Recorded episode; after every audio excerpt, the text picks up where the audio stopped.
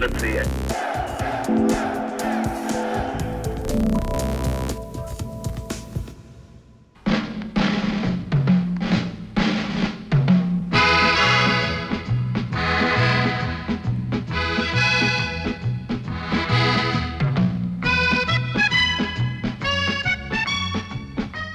Predkovia pána Norberta Brasina, hoteliera z Belgicka, slúžili v Napoleónovej garde. Pán Brasin je aj predsedom spoločnosti na uctievanie Napoleónových pamiatok. V deň výročia bitky pri Slavkove v roku 1805 navštívil pamätné boisko nedaleko Brna.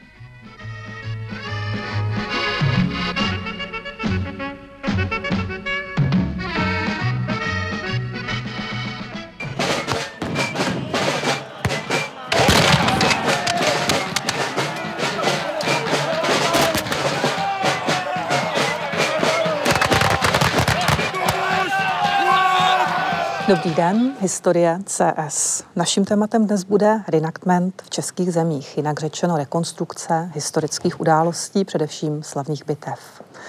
Kde jsou jeho počátky, jak se vyvíjel a jak vypadá dnes český reenactment. Pozvání přijali Zdeněk Munzar. Dobrý den. Ondřej Tupí. Dobrý den. A Jakub Samek. Dobrý den. Pro tu činnost, které vy se vlastně věnujete, o které vypovídá i to, co máte dnes na sobě, tak se vžilo to označení reenactment. Většinou teda s dovědkem, že nějaký jakoby adekvátní český výraz neexistuje. Ale přesto, jak vy osobně rozumíte tomu pojmu? V našem kontextu tomu rozumím jako eh, napodobování oživlé historie. Vlastně přibližujeme historii nějakým specifickým způsobem, tím, že vystupujeme na veřejnosti a ta, tu historickou tematiku se snažíme stvárňovat za pomocí dobových předpisů s využitím, a protože děláme armády, tak eh, s využitím i představování eh, dobové taktiky, v omezené míře dobové strategie jakési. Je to takové hraní si na vojáčky, ale v trošku sofistikovanějším jakémsi rozměru. Jo? Že tam je i ten, i ten rozměr to, té prezentace veřejnosti s replikami uniform, s replikami zbraní. Co máte na sobě za uniformu a z jaké já mám, doby? Já mám na sobě uh, uniformu rakouského štábního důstojníka uh, z období přelomu 18. a 19. století a uh, mám moje egalizační barvy jsou rakově červené, což byla egalizační barva pěšího pluku číslo 20 Kaunic. A proč zrovna rakouská uniforma a proč zrovna tahle uniforma? Docela prozaická věc. Eh, aspoň z mého pohledu vždycky mě od malička mě vlastně zajímal dějepis historie. A když eh, v roce 1992 v Novém Míčině, odkud pocházím, eh, místní muzeum uspořádalo připomínku 200. výročí umrtí maršála Laudona v Novém Míčině, tak pozvali uh, místní muzejníci uh, historickou jednotku z Rakouska.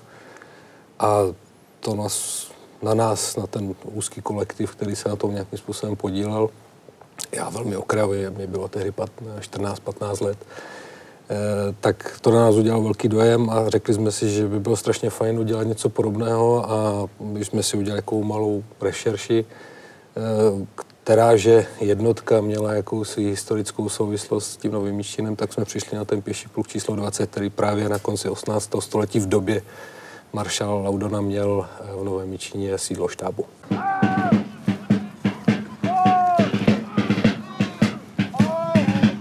Tady ta unofirma je z toho důvodu, že e, nebyla e, v tom našem renaktmentu jako takovým, jako námořnictvo. Jediné, co jsme se dopátrali, No to je už 16 let, co nosím tu uniformu. Předtím jsem dělal gardového granátníka. A prostě gardový granátník, jasně francouz, modrá uniforma, chlupatá čepice a všichni jsou chytří a všichni o něm vědí všechno, jo, tak to mě už přestalo bavit. Tak jsem převlékl kabát a stal jsem se gardovým námořníkem, u ty gardy jsem zůstal a je to úplně opačná strana, protože o těch gardových námořníků, námořnících se moc neví a byli to takový ty dělníci gardy celý ten prapor, jenom prapor, půl milionové armádě byl jenom prapor. Byli v podstatě padli třikrát za to období. Nejdříve ve Španělsku, pak v Rusku. Dokonce u Slavkova máme doloženého jednoho padlého poručíka námořní gardy, takže jsme tady byli. I když máme tady jenom jednoho důstojníka, co tady dělal, tak to je zatím ještě pro nás záhada. Vaše uniforma je také rakouská, ale trochu jiného druhu. Zkuste nám ji představit. Tohle, to, co mám na sobě, uniforma podůstojníka rakouské zeměbrany eh, z roku zhruba 1813. A je to uniforma stejného střihu jako, jako uniformy pěchotní, ehm, s tím rozdílem, že není v té eh, elegantní perlové šedi, tedy bílé, ale v ocelo, ocelově šedé. Uniformu zeměbranců jsme si vybrali právě z toho důvodu, že celý fenomén zeměbrany je v, v nejen v reenactmentu, ale i v historiografii takovou popelkou, který, která bývá velice často opomíjena. Přitom zeměbranou prošly desítky, desítky tisíc obyvatel českých zemí. Nebyli to profesionální vojáci, byli to prakticky konskripčním způsobem odvedení, odvedení civilisté, kteří sloužili, protože museli. Nebyla to jakákoliv elitní armáda, spíše naopak velice často, ale zapomíná se na ně a jejich úloha byla stejně, stejně, stejně důležitá jako úloha celé veškerých dalších koleček toho velkého soukolí armády. Vaše uniforma je francouzská. Proč? Moje uniforma je francouzská, protože já jsem si vybral francouzskou armádu díky svému vztahu k Francii. Já jsem frankofil.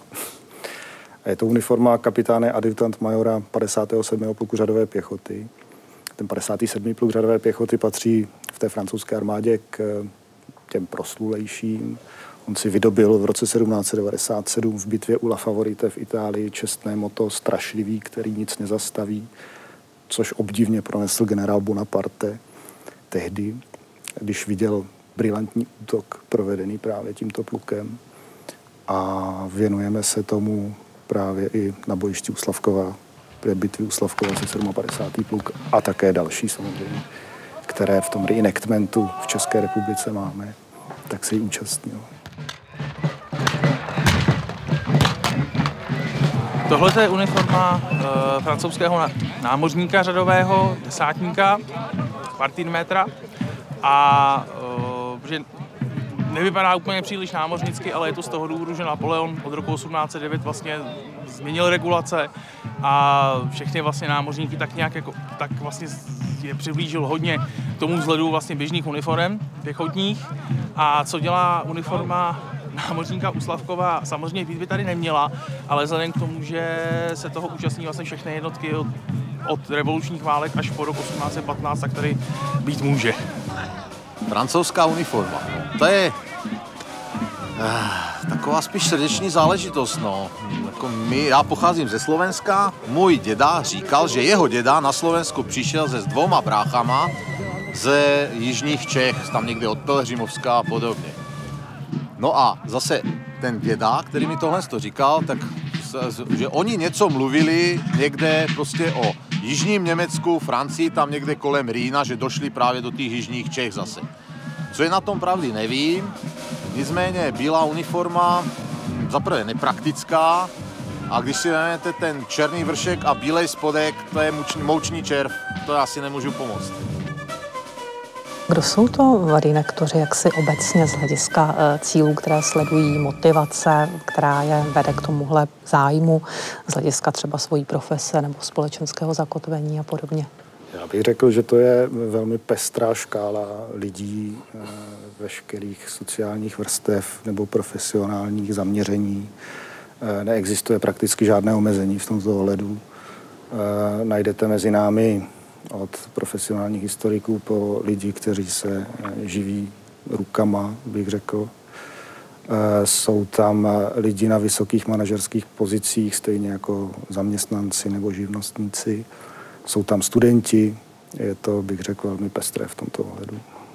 Jak se dnes vlastně dá reenactment provozovat?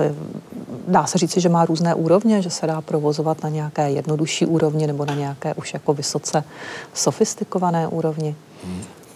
Tak eh, co se týče úrovně reenactmentu, tam eh, to je spíše otázka na pojetí. A to pojetí eh, je velice různé i když se podíváme vůbec na samotnou historii tohoto fenoménu, která je vlastně výrazně starší, než si uh, asi mnoho z nás uvědomuje, protože reenactment, uh, tedy nějaké přehrávání historie, uh, se, nám, se nám objevuje uh, jak ve formě více či méně představení divadelních, tak ve formě připomínek vojenských tradic.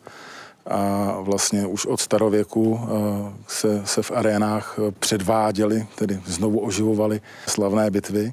V našich zemích můžeme jako nejst, asi nejstarší mě známou uh, připomínku reenactmentu uvést vlastně interaktivní divadelní inscenaci, kterou pořádal Jan Zajíc z Házenburka roku 1544 a 1552 v Budyni nad Ohří, kde vlastně pořádal veliký rytířský turnaj s tématikou tureckých válek a všichni hosté byli do toho zapojeni taktéž. A, takže dalo by se říci, že to byl takový renesanční LARP a podle, podle pramenu měl velice silný impact, zvláště, zvláště zúčastněné šlechtičny velmi intenzivně prožívali pocity ohrožení, když, když vtrhli ty reenaktoři Turků a následně byli zachráněni, zachráněni rytíři. Takže reenactment eh, může být eh, divadelním představením, které připomíná historii. Na druhou stranu od 19. století eh, v rakouské armádě s nástupem vlastně romantismu a no, připomínek dlouhých tradic armádních formací Většinou při příležitosti dvoustých výročí založení té jednotky se i vojáci rakouské, rakouské armády připomínali svoji slavnou historii a můžeme, můžeme doložit, jak kníže Windischgrätz ještě jako plukovník osmých krysníků v rámci takovéhoto připomínání historie představoval důstojníka dám pierských krysarů, kteří zachraňovali Ferdinanda před štormpeticí. Takže ten záběr je široký a ne, nedá se říci, co je hůře nebo co je lépe. My se snažíme připomínat eh, tu vojenskou historii s ohledem na vojenské tradice, pětu, ukázku taktiky. Pravděpodobně v tom máme méně divadla než někteří naši kolegové, kteří třeba preferují více scénický přístup. Nicméně asi se všichni shodneme na tom, že co by mělo být stěžejní pro renaktory ať už eh, více scénické nebo méně scénické, je to, že by měli eh, se držet historických faktů a prezentovat historii podle objektivních pramenů a zdrojů tak, tak aby skutečně byla přiblížena divákovi a vlastně nemátla ho eh, mnohdy interpretacemi, které jsou, řekněme, diskutabilní. Samozřejmě z první vody na čisto je to trochu hraní si na vojáky, což se pochopitelně nabízí. Na druhou stranu já jsem opravdu přesvědčený, že to může být e, pomocná historická věda, protože ve spoustě případů e, reenactment, ten poctivě dělaný, e, nejenom historii, ale i vývoj vojenského umění dodává reálná data. To, co si přečtěte v předpisech, nemusí být to samé, co se reálně dělalo na bojišti. A pokud eh, se reenactment dělá tak poctivě, jako ho dělá eh, třeba eh, pan Samek nebo pan Tupý, tak si ve spoustě věcí narovnáte představy, které čistě četbou vojenských předpisů jsou velmi pokřivené. Vojáci velmi dobře vědí, že předpis je jedna věc a praxe na bojišti je věc druhá. Takže pokud chceme vědět, jakým způsobem se vyvíjí vojenské umění v reálu, tak samotná četba historických pramenů nestačí. To se prostě musí vyzkoušet a to je to, co dělá poctivý reenactment, což ovšem není každý re- reenactment. To, co si velmi často nejenom lajci, ale i vojáci neuvědomují, tak je, že vojenské umění má v zásadě pořád eh, velmi obdobné principy napříč dějinami. Eh, to znamená, že pokud se budeme bavit o kombinaci manévru s palbou, tak ten princip je stejný dneska, jako byl za napoleonské války. Změnila se technologie. Eh, takže sice z prvního dojmu byste si řekli, že ten boj je úplně rozdílný. Ve skutečnosti je to pořád kombinace toho, co můžete dosáhnout, toho, k čemu máte kapacity a to, co vám dovoluje aktuální technologie. typicky tady na bojišti u Slavkova, eh, to, co v reálu se dělo pořád dokola, tak byla taková hra kámen, nůžky, papír. Na bojišti máte tři základní druhy jednotek, dělostřelectvo, jízdu a pěchotu a navzájem na sebe působí. Takže ona sice ta pěchota se vám rozvine do linie, ale v té linie je neskutečně zranitelná jezdectvem, ale špatně zranitelná dělostřelectvem. Pokud se chce bránit proti jezdectvu, tak se musí zhrnout do karé, které je zase velmi zranitelné dělostřelectvem.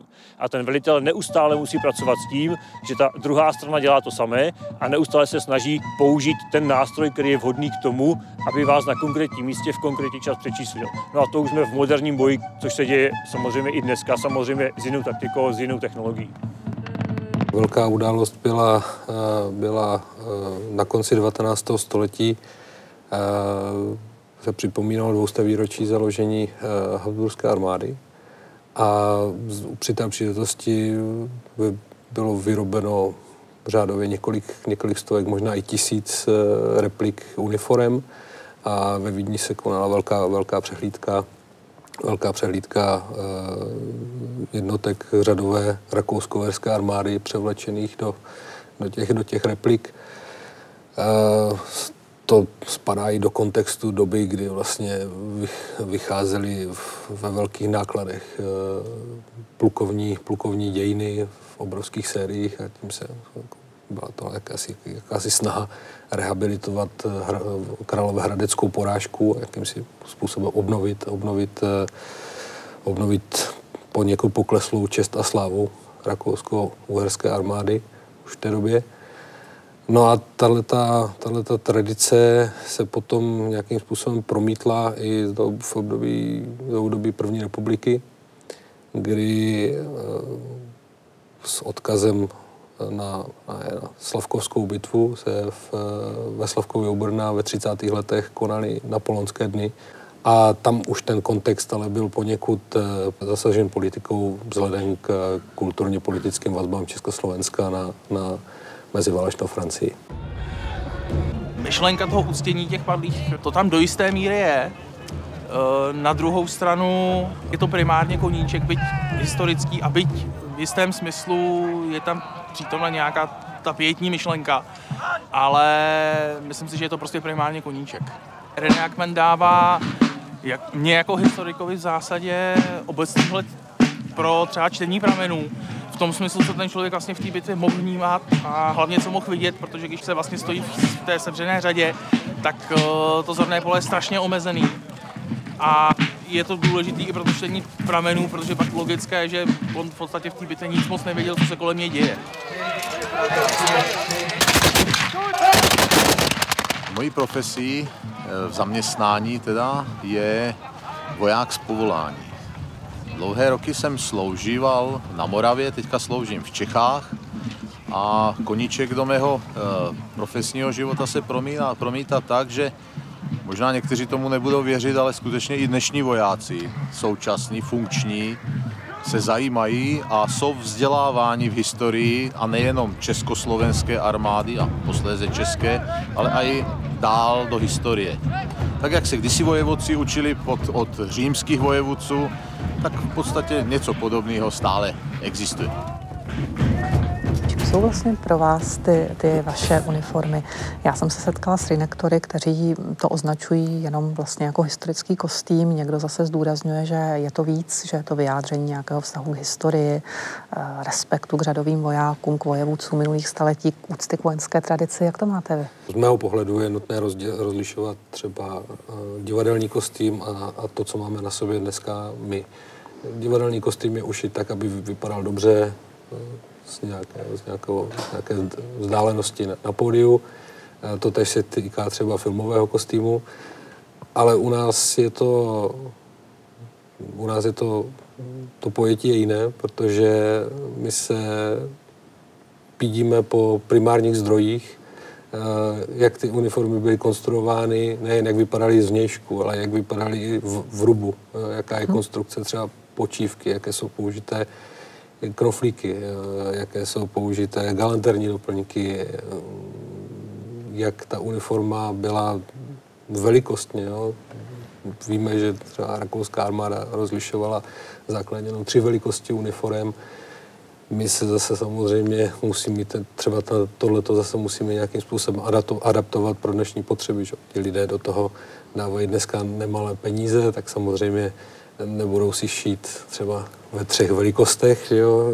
vyberou si jednu z konfekčních velikostí rakouské armády, ale adaptují si to pro sebe. Ale je to, o té, je to hodně o jakési osobní poctivosti v tom mhm. přístupu. Mm-hmm. Pokud eh, je ten, ten zájem o tu historii individuálně opravdu hluboký, tak eh, z mého pohledu má-li to vypadat dobře a, a má-li to být skutečná replika, tak by z mého pohledu měla být podložena tím nějakým minimálně základním výzkumem. Mm-hmm. K tomu asi dodal, že nejde jenom o to, aby byla podložená ta replika, prameny, ale není to samoučelné, ona, to, to oblečení musí fungovat vlastně, protože my, eh, jak jsme mluvili o tom, že je několik různých směrů v rámci toho hobby, tak každý k tomu samozřejmě přistupuje nějakým způsobem, ale eh, takový hodně sdílený směr eh, spočívá v tom, že my se v pátek po příjezdu do prostoru konání té vzpomínkové akce oblékneme do té uniformy a sundáme ji v podstatě ze sebe až zase v neděli, až když ta ten program skončí. To znamená, že my, tak jako ti vojáci před eh, těma dvěma staletími v případě napoleonských válek, eh, musíme vlastně v té uniformě prožít eh, několik dní. Důležitý je například materiál, protože stejnou uniformu máme na sobě v létě, když je venku 40 stupňů, nebo potom u Slavkova, kde může být třeba minus 10, když zapadne slunce. Eh, takže důležité není jenom to, aby to vypadalo správně, i z toho vojenského hlediska, barvy, střihy, jak říkal Ondřej, doplňky ve francouzské armádě, knoflíky s číslem pluku, ale i ten materiál a tak, aby to vlastně splňovalo ten účel, který to má splňovat. Ta uniforma skutečně funguje, pokud je dobře udělaná. Divadelní kostýmy nefungují. Ty, pokud si eh, někdo chce vzít na akci a potom v nich stráví víkend, eh, asi se nepotáže úplně uh, s dobrou a odnese si z toho nutně dojem, že historické oblečení je velice nefunkční a nepohodlné. Já nejsem reanektor, nicméně jsem si vyzkoušel uh, uniformu i uh, samotnou taktiku v sedmileté válce a v napoleonské válce. Šel jsem do toho s tím, že jsem si říkal, že ty uniformy působí velmi neprakticky a že to asi bude víceméně utrpení se v tom pohybovat.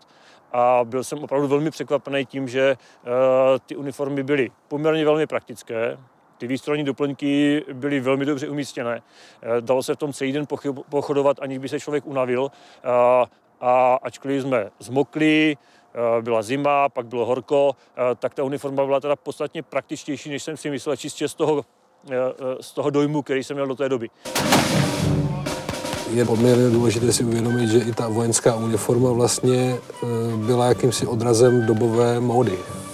Rakouská uniforma byla značně třeba ovlivněna tím, jak eh, po dlouhých letech vlastně nějakého eh, relativně období míru najednou rakouská armáda vyrážela za hranice monarchie i třeba směrem na západ a tam se setkala zase s nějakými hm, módními vlivy, které přicházely ze západu Evropy.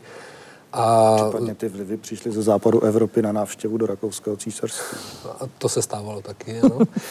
A e, zejména u těch, třeba u důstojníků panovala značná benevolence, mm-hmm. nebo, nebo vládla tam značná, značná benevolence a oni samozřejmě, když viděli něco, něco pěkného, módního, tak si to nechali ušít a přizpůsobit, nebo udělat v nějakém vojenském stylu.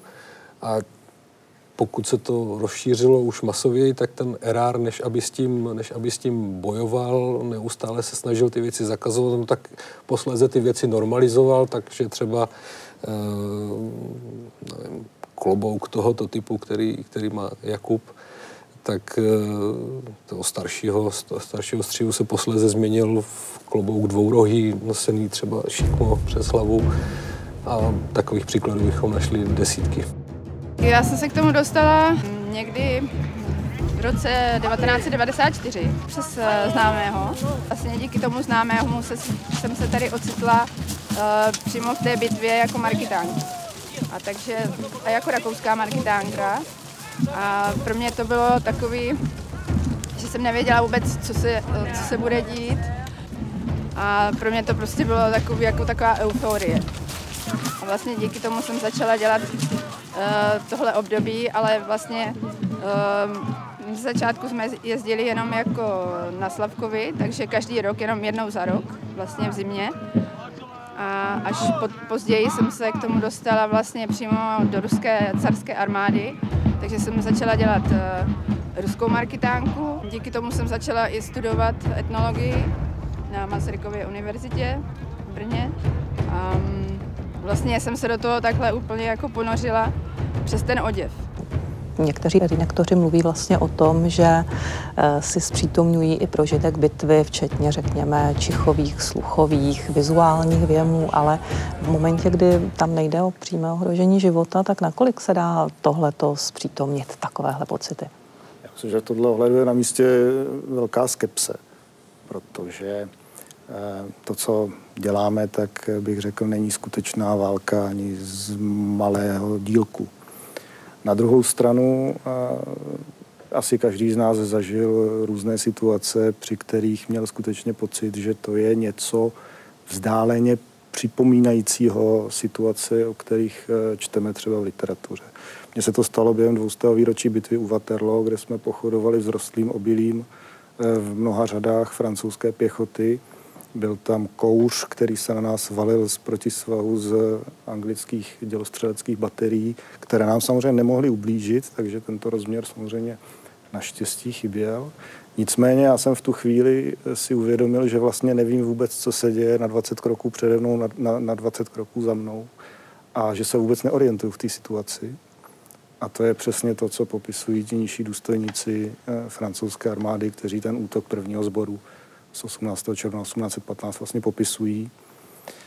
Eh, takže i, i to možná trošičku pomůže potom eh, přistoupit eh, k vyprávění pamětníků, kteří si mnohdy přibarvují vlastně a, a na základě příběhů, které se pisují generálové, tak oni potom si dobarvují ty svoje, ty svoje vlastní vyprávění a tahle ta osobní zkušenost možná trošku napoví, eh, kterou část ten důstojník nižší, nebo ten poddůstojník, nebo řadový voják opravdu mohl vidět na vlastní oči, opravdu mohl pochopit a kterou potom už opisuje od toho generála. Ty jednotlivé věmy samozřejmě fungovat můžou, protože pušky dělají hluk, kouří, občas se stane, že prostě pro ten dým není vidět vlastně vůbec nic. Na druhou stranu chybí tam stres a což je vlastně to jedno z těch nejdůležitějších věcí že jo, pro, pro to samotné vnímání. Ale ty základní věci, ať zvuk, čich nebo, nebo zrak, tak to tam samozřejmě přítomno je a myslím si, že občas velmi intenzivně. V západní Evropě a zejména ve Spojených státech je výuka vojenské historie a výuka vývoje vojenského umění eh, podstatně eh, více akcentovanou složkou vojenského vzdělávání, je tomu eh, ve střední a východní Evropě. A já jsem se třeba zúčastnil velitelského štábního kurzu BIMAT, což je britská škola působící přímo tady ve Výškově. A díky tomu, že Slavkovské bojiště je kousek odsud, tak první tři dny toho kurzu jsme jeli na polonskou taktiku a strategii, takže nás vyvezli přímo sem, konkrétně tady na kopec Anton. Teď z okolností stojíme v, na polonském zákopu nebo jeho pozůstacích a přímo na tomto bojišti jsme plánovali v zásadě na polonské operace 200 eh, let zpátky. Eh, po třech dnech nám udělali střih a zbytek kurzu dva týdny eh, jsme procvičovali brigádu v obraně a v útoku na tom samém bojišti. To znamená, že v ten okamžik jste měli podstatně lepší provázání toho, jakým způsobem se vojenské umění vyvinulo. Na jednu stranu podobnosti a ty podobnosti tam opravdu reálně jsou, akorát, že máte jinou technologii a působíte ve větším prostoru daleko větší rychlostí. A i potom to plánování moderního boje, které samozřejmě v reálu eh, bylo základem toho kurzu a trvalo daleko díl, eh, tak eh, bylo daleko logičtější a mělo daleko větší konsekvence právě s tím, že se si uvědomovali návaznosti i zpátky do historie. Když se zastavíme u těch největších akcí vlastně českého a moravského reenactmentu, tak v Čechách je to pravděpodobně bitva u Hradce Králové na Moravě bitva u Slavkova.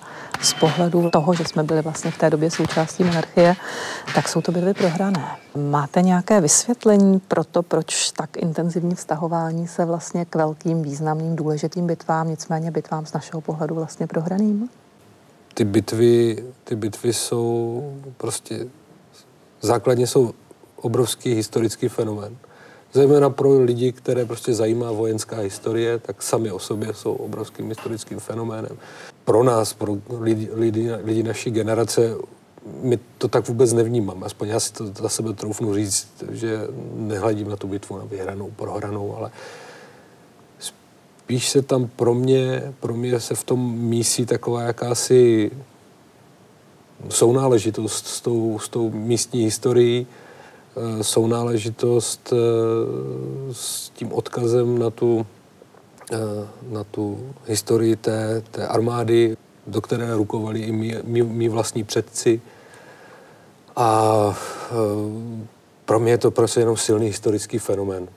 Nikdy jsem neuvažoval o tom, jestli se mi ta líbí, bitva líbí, protože zrovna rakouské barvy prohrály, nebo že bych byl víc nadšen, že jedu k Lípsku právě protože tam spojenecká armáda Napoleona drtivě porazila. E, takové, tak, takovou optiku na to nemám. Určitě to má uh, taky rozměr pětní, to už vlastně vyplývá z těch lokálních tradic. A jenom bych k tomu dodal, ne, nemůžu úplně hodnotit Hradec Králové, který v tomhle ohledu teda byl vlastně poslední bitvou nebo poslední rozhodující bitvou prusko-rakouské války, ale, ale Slavkov vlastně je jenom jednou z epizod eh, obrovského střetu, vlastně, který tehdy vlastně tou Evropou zmítal. A i v případě teda, že by někdo k tomu chtěl přistoupit tak, že my jsme tedy prohráli, Eh, u Slavkova, tak eh, si potom velmi rychle najde taky nějakou, bych řekl, příležitost, jak eh, to odčinit, třeba u toho Lipska, nebo následně potom u Waterloo. Čili z tohohle hlediska ten Slavkov, bych řekl, není nějaká tragédie národní. Je to u Slavkova v tomhletom kontextu, to znamená, jestli porážka vítězství, většina reaktorů takhle nevnímá že to je prostě je to jedna z největších akcí reenactmentu v Evropě a proto jsou tady. Eh, já dělám ještě válku o rakouské dědictví a sedmiletou válku opět zase za, za francouze. A tam ten důvod je jako velmi, velmi jednoduchý, mě to období prostě líbí o něco víc než ta Napoleonika. V českém prostředí my si vojenské dějiny v zásadě eh, uměle stanovujeme do eh, konce první války, tím pádem možná i ten reenactment je částečně příspěvek k tomu, abychom si uvědomili, že e, naše dějiny, ať už vojenské nebo reálné, nezačaly v roce 1918, ale čeští vojáci působili na, spousta, na spoustě bojištích velmi profesionálně, velmi statečně e, stovky let předtím. Mluví se vždycky o rekonstrukci bitvy u Slavkova, ale řekněte mi, co se dá reálně rekonstruovat vlastně z takto obrovského bitevního střetnutí? Nás eh, každoročně u Slavkova pod Santonem u Tvarožné se schází asi tisícovka. Ta tisícovka představuje možná 60% eh, počtu skutečně teda účastnících se vojáků 2. prosince 1805. Eh, bojujeme na bojišti, které má rozměry zhruba 200 x 250 metrů. Skutečné bojiště má rozměr 10 x 12 kilometrů. Čili nejsme schopni v žádném ohledu tu bitvu, bych řekl, rekonstruovat v nějaké její plné šíři. A vzhledem k těm našim počtům a našim schopnostem se musíme zaměřit na nějaký detail. A v rámci toho detailu vytvoříme nějaký scénář, kterým se pokusíme zpřítomnit vybranou část té bitvy, kde předvedeme lidem, jak zhruba ta pěchota se mohla střetávat a už třeba narážíme na to, že v rámci těch malých rozměrů toho bojiště ani nejsme schopni na sebe reagovat eh, v reálných časech anebo vést palbu na skutečné vzdálenosti, protože kdybychom tu bitvu chtěli předvést nebo ten střed chtěli předvést v reálných vzdálenostech, tak by to diváci zase neviděli, protože by jsme byli od sebe příliš daleko a celá ta ukázka by taky trvala mnohem déle. Eh, je to kompromis. Vy jste v souvislosti s tím vlastně psal o škole batalionu. Eh, jak se secvičujete? Jak se koordinujete dohromady? Já myslím, že tohle je strašně důležitá věc pro ten reenactment z toho hlediska, že eh, zase se k tomu vrátím, je tady spousta různých směrů a spousta různých preferencí, jak a čemu se věnovat. Někdo má radši uniformy, někdo má radši ten pětní rozměr, někdo se věnuje spíše tomu táborovému životu. Každý k tomu přistupuje s nějakou určitou s nějakým svým určitým přístupem. Jediné, co skutečně si myslím, že mají všichni společné a všechno by měli, ne, měli by postupovat podle stejných zásad, tak se týká manévru a výcviku. protože to je dané dobovými předpisy a nějakou jejich dobovou interpretací. A to je věc, na které se můžou všichni shodnout. Tam vlastně není na místě vůbec žádná diskuze o tom, jakým způsobem se manevrovat má. Já bych to dokonce, bych to dokonce povýšil na konstatování, že se nemají na čem jiném shodnout. To je prostě daná věc, podle které fungovala ta armáda celá, ať měla 100 tisíc, 200 tisíc, 300 tisíc mužů, půl milionu. Pořád to byl ten jeden předpis a my, troufnu si tvrdit, že nám se to v určité míře povedlo přenést a aplikovat i do toho současného rejnamentu. V českém prostředí je každopádně eh, ve srovnání s jinými evropskými státy velmi silný vztah k vojenství, ačkoliv armáda sama o sobě je relativně malá, eh, což je svým způsobem zvláštní. Eh, na druhou stranu od té představy, že to jsou ti blázni v těch historických uniformách, armáda už trošku ustupuje. Prostě jsme pochopili, že to je prostředí, z kterého úplně klidně můžete brát eh, budoucí profesionální vojáky, protože ať už je to reenactment, ať už je to airsoft, ať už to jsou tyhle ty militární aktivity, tak to jsou lidi, kteří tomu z nějakého důvodu mají blízko a ti, kteří jsou schopni projít armádními testy a vstoupit eh, do služby vojáka z povolání, tak při nejmenším v některých eh, ohledech mají dispozice pro to, aby tím vojákem byli. Pokud se podíváte na to, z jakého důvodu eh, vůbec armády začaly cvičit takovou tu klasickou drillovanou pořadovou přípravu, tak to byl právě development z linie do kolony a zpátky. To znamená využít výhody pohybu v koloně a zároveň rychlého rozvinutí do linie, která vám naopak poskytuje velkou palebnou sílu. Z tohoto důvodu eh, se zejména v 17. a 18. století pořadová příprava cvičila opravdu až zupáckým způsobem a ačkoliv dneska už samozřejmě tyhle ty taktické manévry my nepotřebujeme, protože bojujeme úplně jiným způsobem, eh, tak pořadovou přípravu pořád používáme pro základní smelení jednotky. Ale už jenom to pochopení, k čemu ta pořadová příprava byla a k čemu se nám hodí dneska, už jenom to je dobrý pro to, abyste věděli, eh, kdy má smysl eh, na ní trvat a kdy naopak už to může být třeba i zbytečné. No nedělá mi problém dlouhé pochody. Fyzicky díky svému profesi jsem taky na to dobře. Když jdu, tak jdu a nelezu. Jak mnoho, za mnou v mnoha případech vidíte, takové ten drill, co vlastně ze zbraní a vystupování vojenské a podobně, který si tady někteří mladší ročníky hodně těžko zvykají, tak v podstatě já jsem byl ještě v ten, co jsme museli, a já jsem tam zůstal, tak prostě s tím prostě asi tak, no. Dá se říct, že to má vlastně i přesah třeba do oblasti vojenské historie, že to znamená v podstatě přeložit ten dobový předpis, eh, proskoumat ho způsobem, jakým by to třeba kromě vás nikdo neudělal? Nejsem si jistý, že by to kromě nás nikdo neudělal. Jsou samozřejmě eh, vojenští historikové, kteří se velmi podrobně věnují eh, těmto tématům, ale na druhou stranu je určitě pravda, že tím, že my vlastně máme určitou v úzovkách potřebu eh, to aplikovat v praxi na tom poli s těmi skutečnými lidmi, tak eh, tomu musíme porozumět do posledního detailu. Musíme přesně vědět, co ty lidi mají udělat a musíme být schopni ten jednotlivý pohyb vysvětlit těm vojákům. A to je přesně situace, do které my se dostáváme a to je situace také, do které se ale nemůže vlastně dostat ten historik nebo ten teoretik, protože on to nepotřebuje. Jemu stačí velmi obecný pohled na to, jakým způsobem ten prapor pěchoty se rozvíjí, jakým způsobem vede palbu, ale jak už se přesně dostat eh, do toho konkrétního tvaru, jakým, jakou povelovou technikou, kolik to času může trvat, jo, to už je, to už je, bych řekl... A aplikovat to v daném terénu třeba.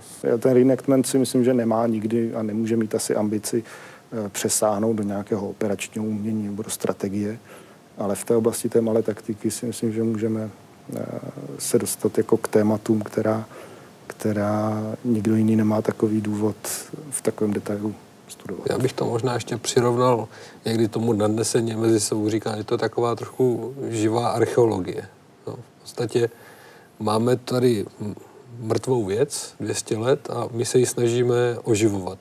A některé ty věci můžeme třeba, četli jsme 20krát, 30krát, četl jsem je já ze svojí znalostí Němčiny, četli kolegové z Vídně ze svojí znalostí Němčiny. A dospěli jsme stejně k různým interpretacím, ale teprve až až jsme to zkusili v praxi, tak jsme teprve tu starou Němčinu toho, před, uh-huh. toho předpisu dokázali, myslím si, dokonale pochopit. Bez toho praktického vyzkoušení si toho, co je tam napsáno, to je v podstatě neuchopitelné. Pořád je to jenom jakýsi dojem toho, že tomu člověk rozumí. V obecném měřítku asi ano, ale co se týká těch jednotlivých detailů, opravdu třeba, nevím, jak, teda, jak opravdu, kde mít tu patrontašku tak, aby se tam do ní dalo pohodlně, rychle sáhnout, uchopit tu patronu, nabít tu zbraň, manipulovat s tou zbraní bezpečně v, v rozměru třeba 80 lidí ve dvou řadech, to už potřebuje tu zkušenost té praktické aplikace. Já jsem se k tomu dostal vlastně při střílení. Vždycky jsem chtěl střílet uh, nějakých prostě pušek. Uh, na černopraché vlastně zbraně není zatím potřeba ještě zbrojní průkaz.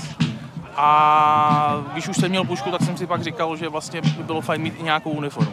Napoleonský období, protože ze všech vlastně novověk, novověkých reenactmentů, které se tady v republice dělají, tak je rozhodně nejpočetnější. A protože ty bitvy jsou samozřejmě o mase, tak proto. Děláte i jiná témata, jiná období, jiné bitevní střety než eh, bitvy napoleonské éry? Já osobně se věnuji více obdobím s tím, že samozřejmě, jak říkáte, pokud chce se člověk věnovat skutečně do hloubky jednomu období, tak by se měl věnovat jednomu, nejvýše, nejvýše dvěma, dvěma obdobím. Ovšem samozřejmě to je otázka toho, do jaké hloubky chce člověk jít a respektive na jaké pozici. Čím a čím se chce zabývat a čím se chce zabývat. Eh, já se přiznám, že eh, ačkoliv jsem eh, se účastnil nějakých překladů, překladů předpisů, tak je to, je to třeba druh bádání, který, který mě osobně nikdy až tolik neoslovil a proto tuto velice důležitou funkci rád přenechávám pánům důstojníkům, kterým pouze sekunduji a mě na té historii zajímají příběhy lidí. A protože ten lidský život je samozřejmě delší než jedno období a má, má přesahy, tak tento zájem mě vedl v podstatě tou naší pestrou a bohatou historií v průběhu, přiznám, několika staletí. Já jsem se k eh, tomuhle koníčku dostala přes přítele, eh, začala jsem eh, to dělat tak postupně, nejdřív jsem o tom nevěděla skoro nic, postupně to přicházelo. Marketánky většinou do boje nechodí, takže to prožívají opravdu spíš z pozice těch partnerek, které čekají na partnery, jestli se vrátí z toho bojiště. Eh, Mezitím eh, jim eh, vaří a chystají se na jejich případný snad návrat. a některé ženy ale chodí i do boje a o tom může povykládat víc právě Zuzka, protože jednu chvíli boji jako voják byla. No já právě, jak jsem byla v té ruské carské armádě, um, tak uh, jsem jezdila vlastně jako marketánka, ale v jednu chvíli jsem si chtěla vyzkoušet na vlastní kůži, jak se cítí voják, který jde do té bitvy a střílí. Takže jsem uh, si nechala ušít uniformu a vlastně jsem uh, jak si prošla um, několika bitvami Um, vlastně jsem jak na vlastní kůži jsem vlastně cítila prostě tu, tu soudružnost, soudružnost mezi těma vojákama. Začíná člověk na pozici řadového vojáka postupně jak si je povyšován, nebo co rozhoduje o tom, že Také. stoupá v té hierarchii? Také a i to je velmi individuální. Jsou různé skupiny, různé kluby a ty mají svá pravidla. Jsou vojáci, kteří přijdou v mladém věku a rovnou se stanou důstojníky, protože mají ty své jednotce co nabídnou. Jsou, uh, jsou vojáci, kteří se stanou důstojníci až v pokročilém věku, až si velmi poctivě odšlapou své. Takže to bych řekl, že je velmi individuální. Co, co v poslední době, teda posledních tak deset let, je velmi vidět v Evropě, je to velmi zřetelné, tak to je jeden z těch směrů reenactmentů, který asi nám třem k srdci příliš nepřirostl. Francouzi proto mají krásný výraz pot de fleurisme, což znamená květináčství. A to jsou ti lidé, kteří, protože jsou při penězích, tak si dokáží pořídit velmi krásné vyšívané uniformy vysoce postavených osobností tehdejší doby, maršálů, generálů. Ale právě zatím potom chybí jaká, jakási kompetence nebo respekt těch jednotek, protože ti lidé, kromě toho, že teda mají krásnou uniformu, tak zpravidla nemají co jiného nabídnout. Ten český fenomén máme nějaký takový zvláštní a podstatně uh, jiným způsobem vyvinutý smysl pro uh, vojenské dějiny a těch lidí, kteří to dělají, je proporcionálně asi opravdu hodně. Pokud tohle to porovnám se zahraničím, ve Spojených státech je to fakticky masová záležitost, zejména v případě občanské války. A ten rozdíl té masovosti spočívá eh, na jednu stranu v tom, že třeba může klesat kvalita té toho simulování reálných pohybů. Na druhou stranu to velké množství vám umožní procvičit i to, co tady fakticky se děje na úrovni roty nebo praporu. Eh, takže má to svá pro i proti. V zahraničí je výhoda těch větších počtů eh, v tom, že prostě procvičíte ten manévr na eh, větším počtu ve větším prostoru. Ale to nadšení těch lidí bude asi stejné. Vy jste prezidentem Středoevropské napoleonské společnosti. Co je vlastně její náplní, její činnosti, jejím cílem? Je to především koordinace jednotek reenactmentu. Středoevropská napoleonská společnost má v současnosti přes 42 členských eh, jednotek ze sedmi zemí světa. A naší hlavní náplní je získat na začátku roku informace od organizátorů akcí z celé Evropy a na začátku roku se sejít, dohodnout se, co budou naše priority, tak aby alespoň dvě, tři, čtyři akce v tom roce měly takové reprezentativní eh, početní zastoupení. A vedle toho taky pokoušíme ve zbylém volném čase věnovat se právě eh, té historii jako takové, čili máme za sebou nějakou publikační činnost, pořádáme třeba semináře eh, a snažíme se vždycky na ně pozvat i, i, i zástupce, jako třeba z akademické sféry.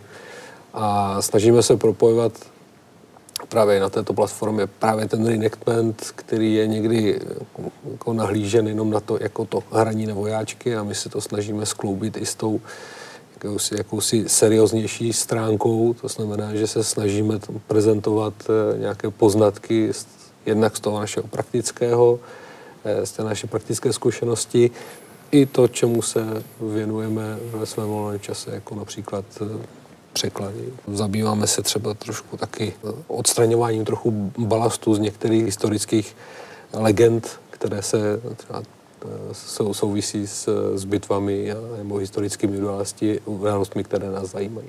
To se konkrétně týká třeba eh, takzvaného boje o Sokolnickou bažantnici během bitvy Slavkova, protože to je téma, které je přítomné jenom v české literatuře, což byla první věc, která nás zarazila. Ve Francii o nějakém boji o Sokolnickou bažantnici není ani slovo. A když jsme zanášeli vlastně účast eh, historických jednotek do mapy, abychom nějakým způsobem vytvořili takovou pracovní animaci bitvy u Slavkova, tak jsme nebyli schopni přijít na to, vlastně, koho tam umístit. Tak jsme dospěli k závěru, že prostě v Sokolnické bažantnici se nestřílelo. Ta zeď, která tam je, eh, v které jsou eh, naznačeny dodnes vlastně místa, kde měla stát francouzská děla, tak je z druhé poloviny 19. století, čili jde o nějakou regionální legendu, eh, která se udržela vlastně i v moderní české literatuře až v podstatě dodnes. Vzhledem k možnostem, jaké máte, a, a já nejsem redaktor, to znamená, já se na to dívám čistě jako e, konzument informace, kterou dostanu v zásadě předžvíkanou od e, lidí, kteří se zabývají tím konkrétním obdobím, e, tak za mě je daleko užitečnější a řekněme reálnější to, co dělají ta, ta starší období, ať už je to Napoleonika nebo třeba sedmiletá válka, protože to, co si můžete dovolit při rekonstrukci moderního boje, například z druhé války, tak to už je daleko častěji spíše to hraní na vojáky než, než uh, nějaký reál, což není ani tak vina těch lidí, kteří to dělají, ale to jsou prostě možnosti, které máte, pokud chcete těm divákům něco ukázat. Takže z rekonstrukce bitvy druhé světové války si pro uh, nějaký historický vývoj uh, vojenského umění odnesu teda podstatně méně než, než například z toho, co dělá Napoleonika. Náš pořad je přednostně o minulosti, ale v čem vidíte budoucnost českého reenactmentu? Budoucnost českého reenactmentu, já si myslím, že smysluplné na reenactmentu, tak jak se ho snažíme, snažíme předvádět, je kombinace ukázky té naší krásné historie, vojenské historie spolu s nějakými solidnějšími badatelskými výstupy. A myslím si, že dobrá cesta k připomínkám, připomínkám historických událostí je kombinace této oživelé historie spolu s například výstavami, které se zaměřují na události, ať už v regionu nebo pořádaným ke konkrétním výročím.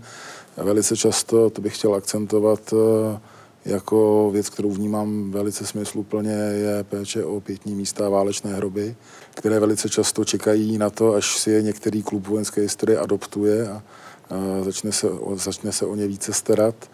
A, a spolu s tím spolu s tím se vytváří prostě určité, určitá, určité penzum oblastí, které podle mého názoru k tomuto prezentování vojenské historie patří.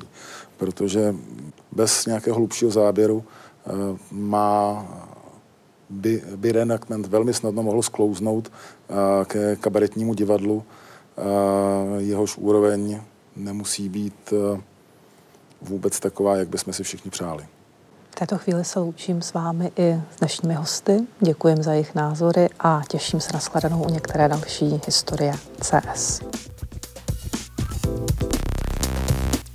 thank you